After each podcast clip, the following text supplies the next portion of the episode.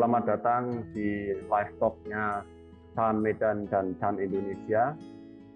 Hari ini uh, saya akan pura-pura jadi moderatornya. Nama saya Aga, saya ada di Jogja.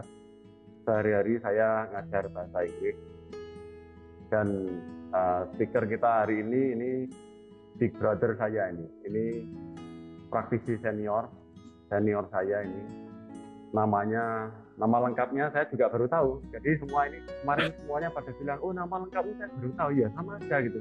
Nama lengkap kita semua baru tahu nih. Nama lengkapnya Chung Kim Jin. Iya. Biasanya panggil Bro Akim. bro Akim ya. Ya. Kita udah dua tahun nggak ketemu nih Bro. Iya betul, betul Bro. Tos dulu Bro, terus. Iya. Oke, Bro Akim ini ada di Jakarta, pengusaha praktisi senior dan ini yang hebat ini sudah dikonfirmasi kedalaman prakteknya oleh Bojun Fase guru kita. Bojun Fase itu uh, pewaris dharma dari Master Seng Yen. Oke, langsung aja bro, karena ya. kita waktunya agak mepet. Ya. Ya, oke. Apakah kita harus berbicara satu setengah kali lebih cepat nih bro? Enggak ya, kita relax aja ya. Ya, se Oke, jadi uh, Ya, oke. Okay. Kita lanjut aja. Efek samping meditasi terhadap kesehatan. Nah, itu topik kita hari ini. Jadi waktu topiknya keluar, uh, para meditator, saya, saya, saya, kami, kami ini, bro, ini mulai kebit-kebit. Loh, kita ini kan baru berusaha menjalankan meditasi, berpraktik, efek samping meditasi terhadap kesehatan. Kita jadi khawatir itu. Apa ini efek samping meditasi terhadap kesehatan? Monggo bro, silakan. Ya, uh, sebenarnya topik ini menarik. Ya, um, kita tuh Chan, uh, Chan itu pendekatannya, approach-nya uh, holistik. Jadi uh, daily life engage practice. Um, selain kita duduk meditasi, kegiatan sehari-hari kita juga uh, dengan uh, jelas menyadari, mengetahui, dan tidak lupa apa yang sedang kita lakukan. Itu uh, kita lakukan itu lama-lama kita akan batin kita akan menjadi uh, hening dan bening dan okay. ya karena hening dan bening um, akan mempengaruhi uh, limbic system kita. Limbic system adalah uh, bagian otak di dalam otak itu ada um, uh, amigdala, ada hippocampus, segala itu uh, itu yang mempengaruhi emosi kita, persepsi kita, memori kita, tinggal laku kita, cara kita bereaksi. Kira-kira begitu, okay. Nah, itu dari situ uh, limbic system akan mempengaruhi uh, kita secara psikologis dan fisiologis.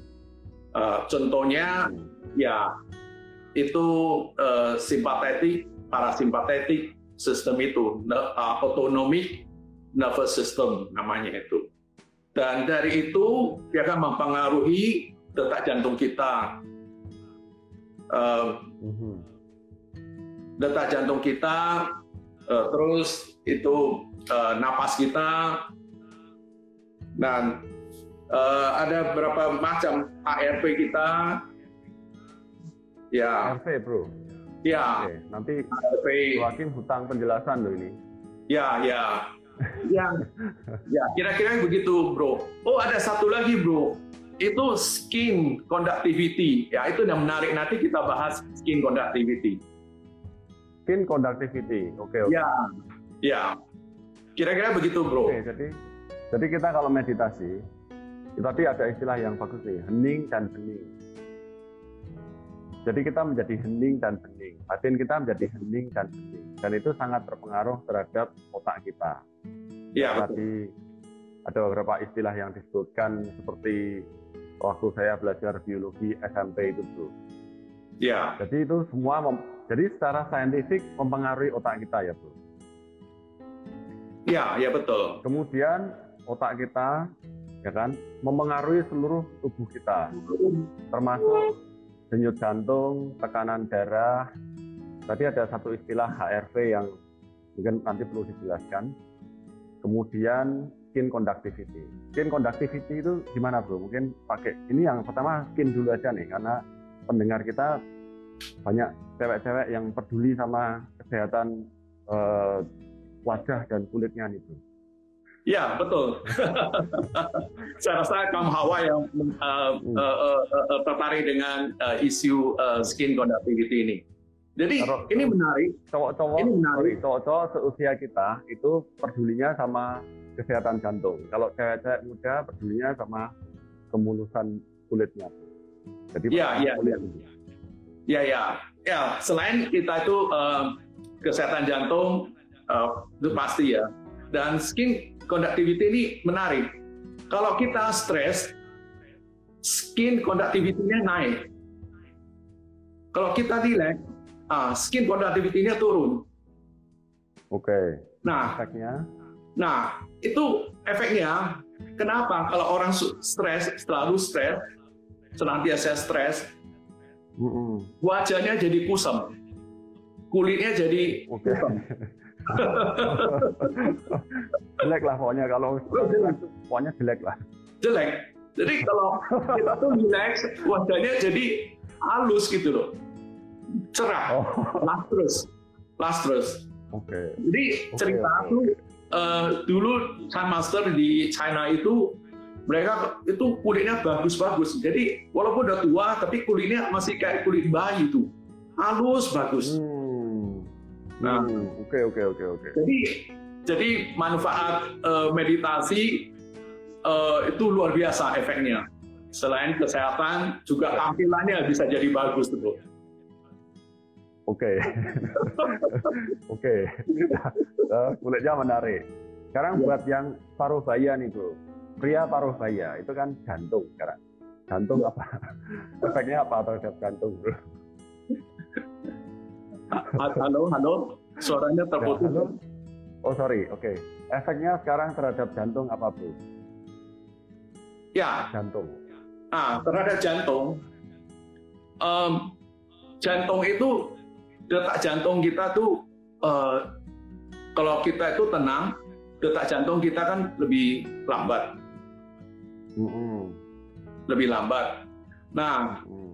kalau lambat kan kerjanya nggak begitu berat okay. ya kan? Nah, kalau misalnya kita berdebar-debar terus, jantungnya dipaksa kerja keras, ya lama-lama jantungnya juga kelelahan. Oke. Okay. Jadi ada jadi kalau, akan timbul masalah nanti. jadi kalau jadi kalau kita melihat ada masalah bahaya misalnya, itu jantung kita berdetak berdetak lebih cepat. Iya. Yeah. Ya kan? Ya. Yeah. Sebenarnya itu normal ya, normal. Kalau kita lihat masalah memang masalahnya apalagi fisik gitu ya misalnya ada kebakaran atau ada mobil mau nyerempet kita kita emang harus bergerak cepat jadi uh, denyut jantung kita emang memang harus berdenyut lebih cepat gitu kan ya ya jadi oke okay. jadi kita itu um, jantung kita itu kayak uh, siap menghadapi sesuatu hmm. kita harus uh, siap ya detak jantung harus cepat hmm. supaya kita bisa hmm. uh, refleks atau reaksi terhadap atau respon terhadap situasi yang uh, membahayakan kita. Tapi masalahnya, masalahnya kalau kita terus menerus di kondisi uh, siap siap tempur, hmm. nah itu jadi masalah. Walaupun situasi yang sebenarnya yang bahaya itu udah lewat, tapi pikiran kita hmm. masih di situ. Kata orang nggak bisa move on, nggak bisa move on. Jadi di situ terus. Jadi stand by stand by terus. Lama-lama ya jadi masalah. Nah kita tuh uh, meditasi kita itu uh, hening dan bening itu uh, membuat kita tuh menyadari apa yang sedang terjadi pada saat ini. Okay. Di awal tadi saya ngomong kita itu latihan adalah uh, daily life engagement practice. Jadi kita tuh latihan moment to moment. Oke. Okay. Jadi misalnya kita makan, kita makan. Jadi kita makan, kita tidak mikir yang lain-lain.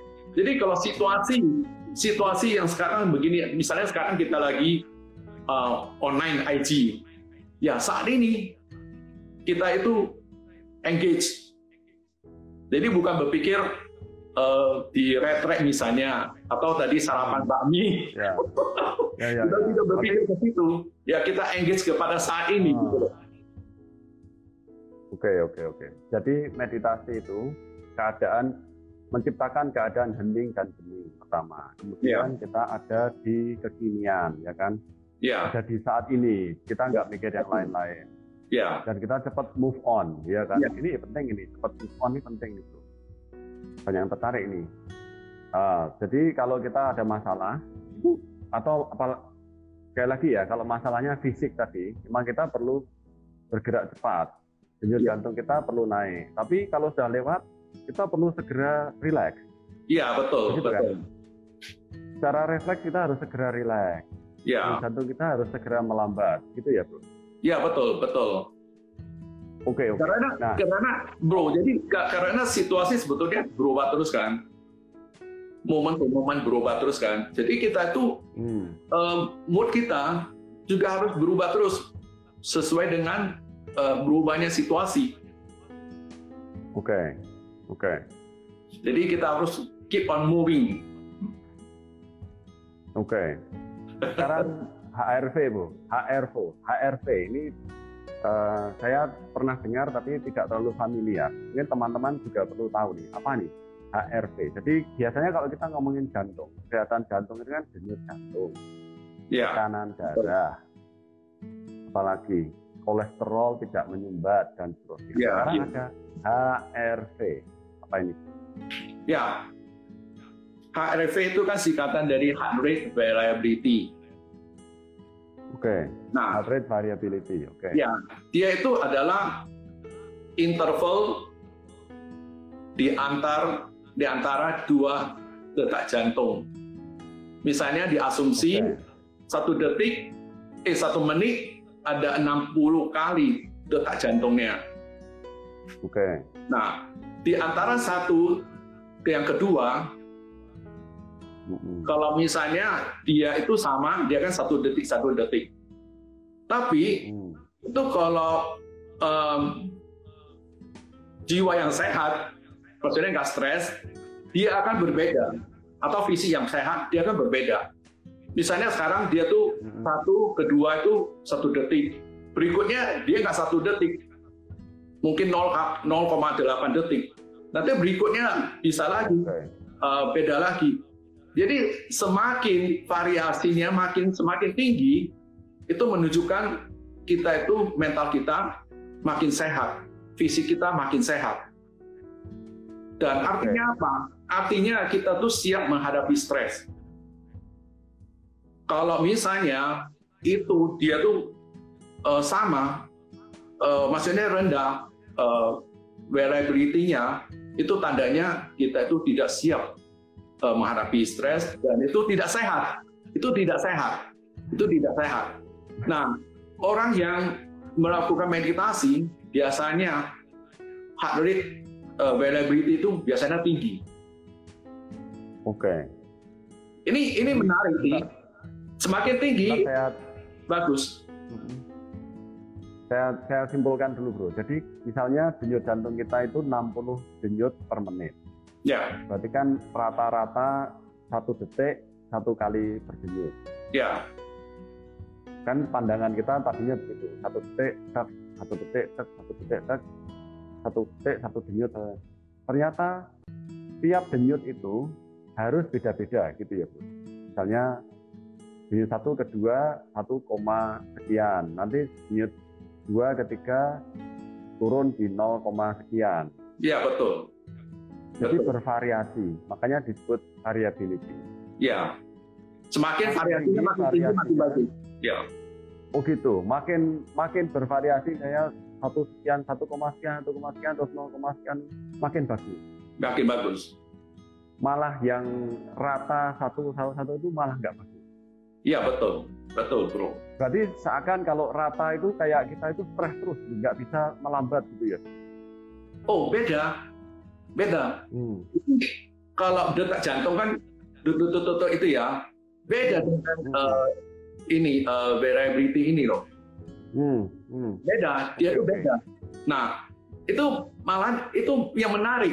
Waktu saya hmm. pertama kali saya belajar ini, saya berpikir lah bukannya detak jantung itu seharusnya lambat itu ya lambat itu pengertiannya sebetulnya bukan itu bukan kecepatan uh, uh, denyut. ini denyut jantung boleh lambat maksudnya intervalnya interval antara oke okay, oke okay, oke okay.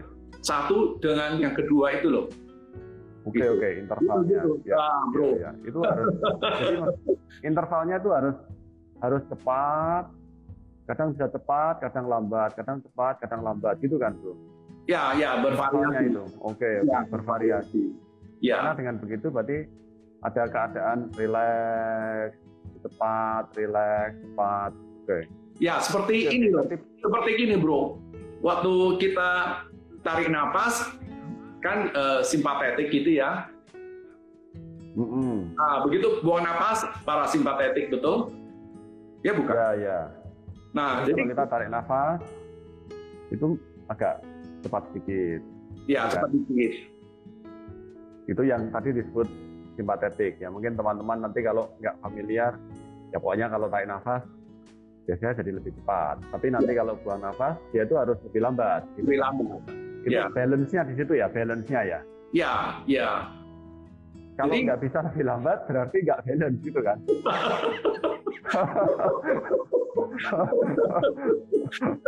berarti nggak balance, berarti stres. Berarti stress. kurang berarti kurang berarti kurang meditasi. Ya, karena napasnya pendek ya. Begitu tarik langsung buang, tarik napas. Jadi intervalnya tuh udah begitu gitu loh.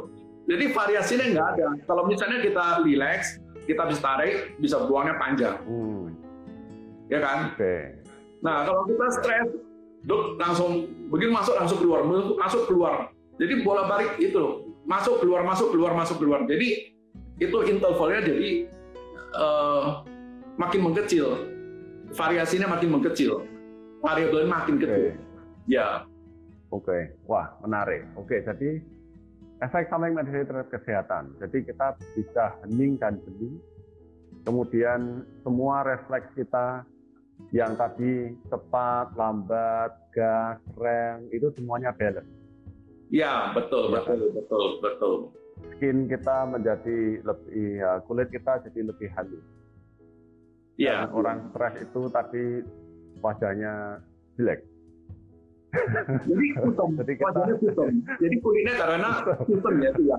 Nah, terus ya, kalau kita stres, kita stres kita bisa uh, secara fisik ada perubahan di uh, ya uh, di fisik kita ya. Yang paling jelas itu ya kita bisa merasakan sendiri kita cek apakah kita itu stres. Biasanya kalau kita stres, mulut kita kering. Oh, oke. Okay. Itu yang paling uh, mudah di, di, di, di, diamati. Stres itu? Mulutnya kering. nah sekarang bro agak minum bukan karena stres, tapi karena ngomong. itu beda. beda ya. Oke, okay, kalau mulut nah, kita ada satu lagi Stres nah. juga bisa membuat konstipasi. Oke, nggak bisa nggak bisa pup. Iya, bisa membuat konstipasi. Jadi kadang-kadang itu konstipasi bukan karena kita konstipasi berarti banyak faktor ya. Salah satu kurang serat, kurang air. Tapi ada satu faktor lagi, stres. Ah. Karena stres membuat istilahnya bowel motility kita menurun. Hmm. Bawal motility kita pencernaan ya. Ya, jadi pencernaan kita menurun. Ya, jadi uh, kurang dalamnya gerakannya kurang ini, makanya kita bisa terjadi konstipasi gitu. Oke, okay, oke. Okay. Kalau di kalau itu, agak kalau kita diulai-ulai itu banyak sekali, nggak habis-habis kita bicara.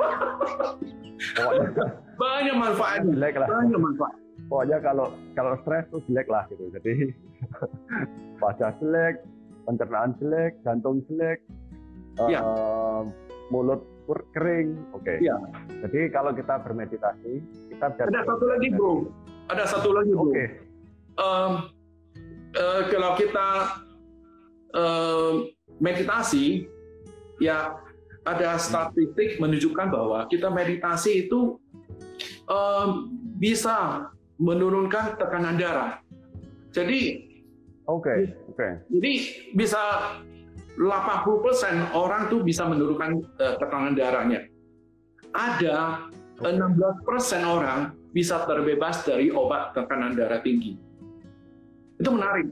Dan saya itu salah satunya di 16% itu. Hah? Ya. Dulu. Oke, okay, dulu pernah darah tinggi. Oke. Okay. Dulu, iya. Saya dulu darah tinggi saya tekanannya tinggi sekali, 160, 160, 100 di atas 100 bisa 110, 100 gitu. Pokoknya tinggi. Saya harus makan obat. Hmm. Saya harus makan obat. Hmm. Dan hmm. sesudah saya melatih meditasi ini dua tahun yang lalu, dua tahun yang lalu saya merasa pusing terus.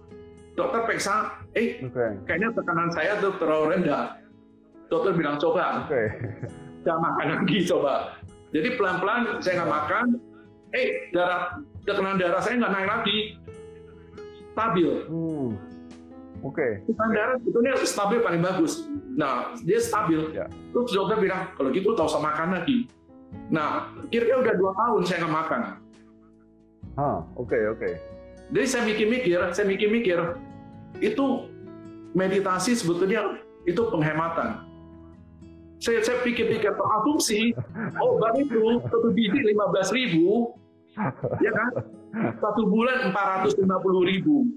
Satu tahun 5 jutaan. 10 tahun udah berapa? 60 juta lebih. Wah, bisa buat jalan-jalan itu. Dan meditasi ini gratis, ya. gurunya gratis, metodenya gratis, iya. gratis. Iya. Nah, kalau kalau tanya dapat hadiah, oh ya rekan-rekan, kalau ada yang mau tanya, nggak tahu waktunya cukup atau enggak ya. Tapi kalau ada yang mau tanya, boleh tulis itu nanti semoga kita ada waktu kalau yang yang tanya nanti dapat souvenir. Eh kita ditonton oleh kita ini lumayan loh bro, ditonton oleh 55 orang loh. Kapan lagi kita ngobrol-ngobrol ditonton 55 orang?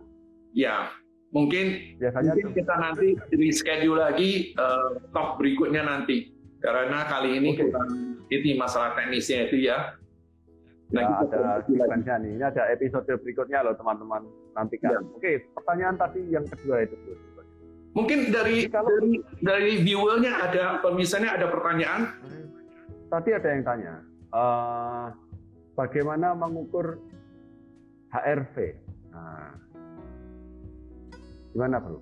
Ah, HRV sebenarnya bisa bisa ukur. Dia ada alat, dia ada alat untuk uh, ukur Ya.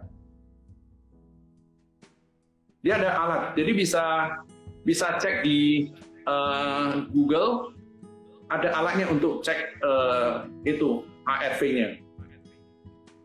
Hmm. Hmm. Oke, okay. aplikasi toh, bro maksudnya dari Android ini kan? Ya betul, betul. Dia ada alat, terus ada aplikasi untuk uh, cek ARV-nya. Oke, okay, oke. Okay.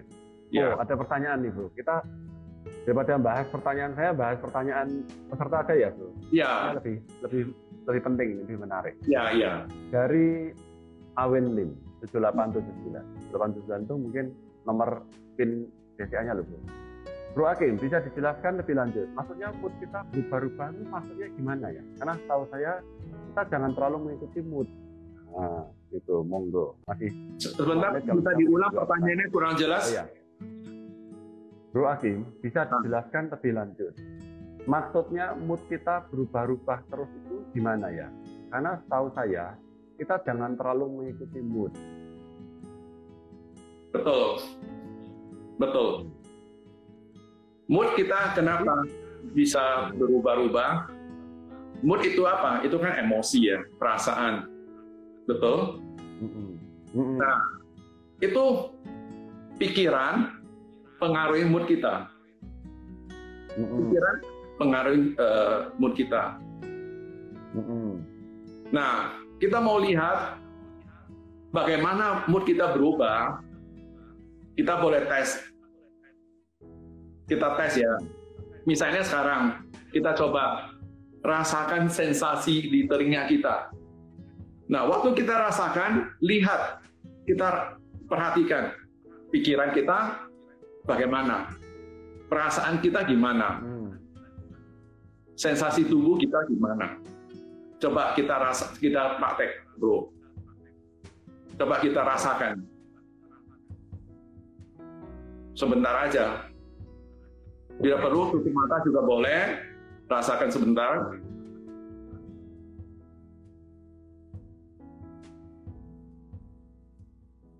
Oke.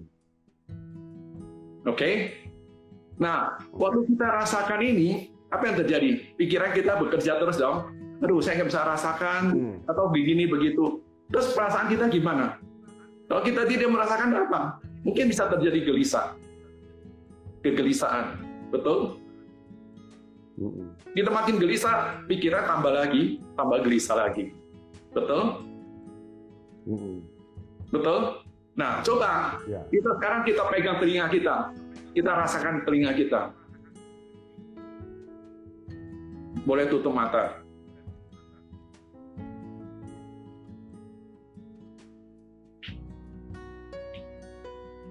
Oke? Okay? Ya. Oke. Okay? Nah, begitu kita pegang telinga, kita kan bisa rasakan dong. Bisa rasakan. Lebih jelas daripada yang kita tidak pegang. Karena kita bisa jelas, pikiran kita mana? Pikiran kita karena merasakan sensasi telinga kita ini, pikiran kita berkurang. Terus perasaan kita gimana? juga tidak begitu bergejolak, lebih tenang. Betul? Hmm. Betul? Ya. Nah, oleh karena itu, kenapa kita harus latihan meditasi, latihan mindfulness? Tujuannya supaya pikiran kita tidak melayang ke mana-mana, tidak bikin perasaan bergejolak, mood kita itu lebih stabil, tidak eh, berubah-ubah terus. Okay. Kira-kira begitu apa ya. menangkap maksudnya uh, maksudnya penjelasan saya tuh. Tapi boleh. Sebetulnya, sebetulnya kita itu ya, sebenarnya kita itu sebenarnya kita tuh di, di, di tiga aja, pikiran, perasaan kita, sensasi tubuh kita. Itu tiga serangkaian itu, saling mempengaruhi gitu, saling mempengaruhi kita. Ya, ya. Ya kan? Maka kenapa kita mau meditasi? Kita meditasi supaya kita bisa anchor, kita bisa jangkarkan kesadaran kita di sensasi tubuh. Begitu bisa jangkar, pikiran kita tuh mulai pikiran kita ada di sensasi, berarti pikirannya tidak begitu sibuk bekerja, otomatis tidak mempengaruhi perasaan kita. Jadi mood kita juga lebih jadi lebih stabil tidak naik turun naik turun naik. Kalau kita tuh tidak, oke. Okay. Ya, kalau kita tidak tidak bisa anchor, mood kita, perasaan kita kayak roller coaster, belum naik ke bawah, naik turun, naik turun. Sepanjang hari itu, bayangkan, bayangkan. Jadi, jadi mood kita itu berubah-ubah. Tadi kan Bro Hakim jelaskan pertama, mood kita itu memang berubah-ubah, tapi dengan meditasi kita itu tenang, hening, bening. Jadi uh, mood kita tidak lagi seperti roller coaster itu kan. Betul, betul. Penjelasannya. Oh, ini Thank you Bro Akim penjelasannya. Oh, berarti sudah puas Bro. Wah, bagus, kita, bagus, bagus. dan waktu kita habis Bro. Habis. Waktu kita habis ini jam 10. Jadi mungkin pesan-kesan terakhirnya Bro Akim sebelum saya end meetingnya ini. Ya, ya pertama pertama kali uh, merasa tidak enak tuh karena ada kendala teknis. Jadi kita itu mundur-mundur. Jadi uh, acara kita jadi pendek, cuma sekian uh, menit. Um, saya, saya harap walaupun sekian menit penjelas apa pembicaraan kita itu bisa bermanfaat untuk kita semua kita bisa memetik manfaat dari ngobrolan ini. dan dan dan Dan uh, uh, uh, pesan saya tuh saya harap teman-teman uh, uh, terus melakukan uh, latihan meditasi, mindfulness. Ya itu manfaatnya luar biasa untuk kesehatan kita secara fisiologis maupun fisiologis. Begitu bro. Thank you banget bro. Oke, okay, buat rekan-rekan kita minta maaf karena tadi kita mulainya terlambat. Jadi kita punya waktu cuma setengah jam kurang, tapi bayangkan kalau setengah jam kurang aja tadi kita dapat ilmu banyak. Besok lagi di episode kedua ya bro, pasti ada ya, dua atau tiga ya. begitu. Dengan topik-topik yang lebih mendalam, uh, ilmu kita pasti lebih banyak dari Bro Agim. Thank you ya bro.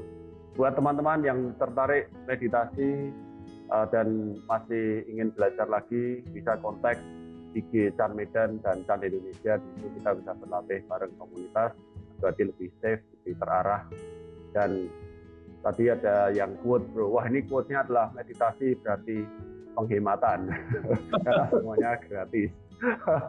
Oke okay, teman-teman, terima kasih.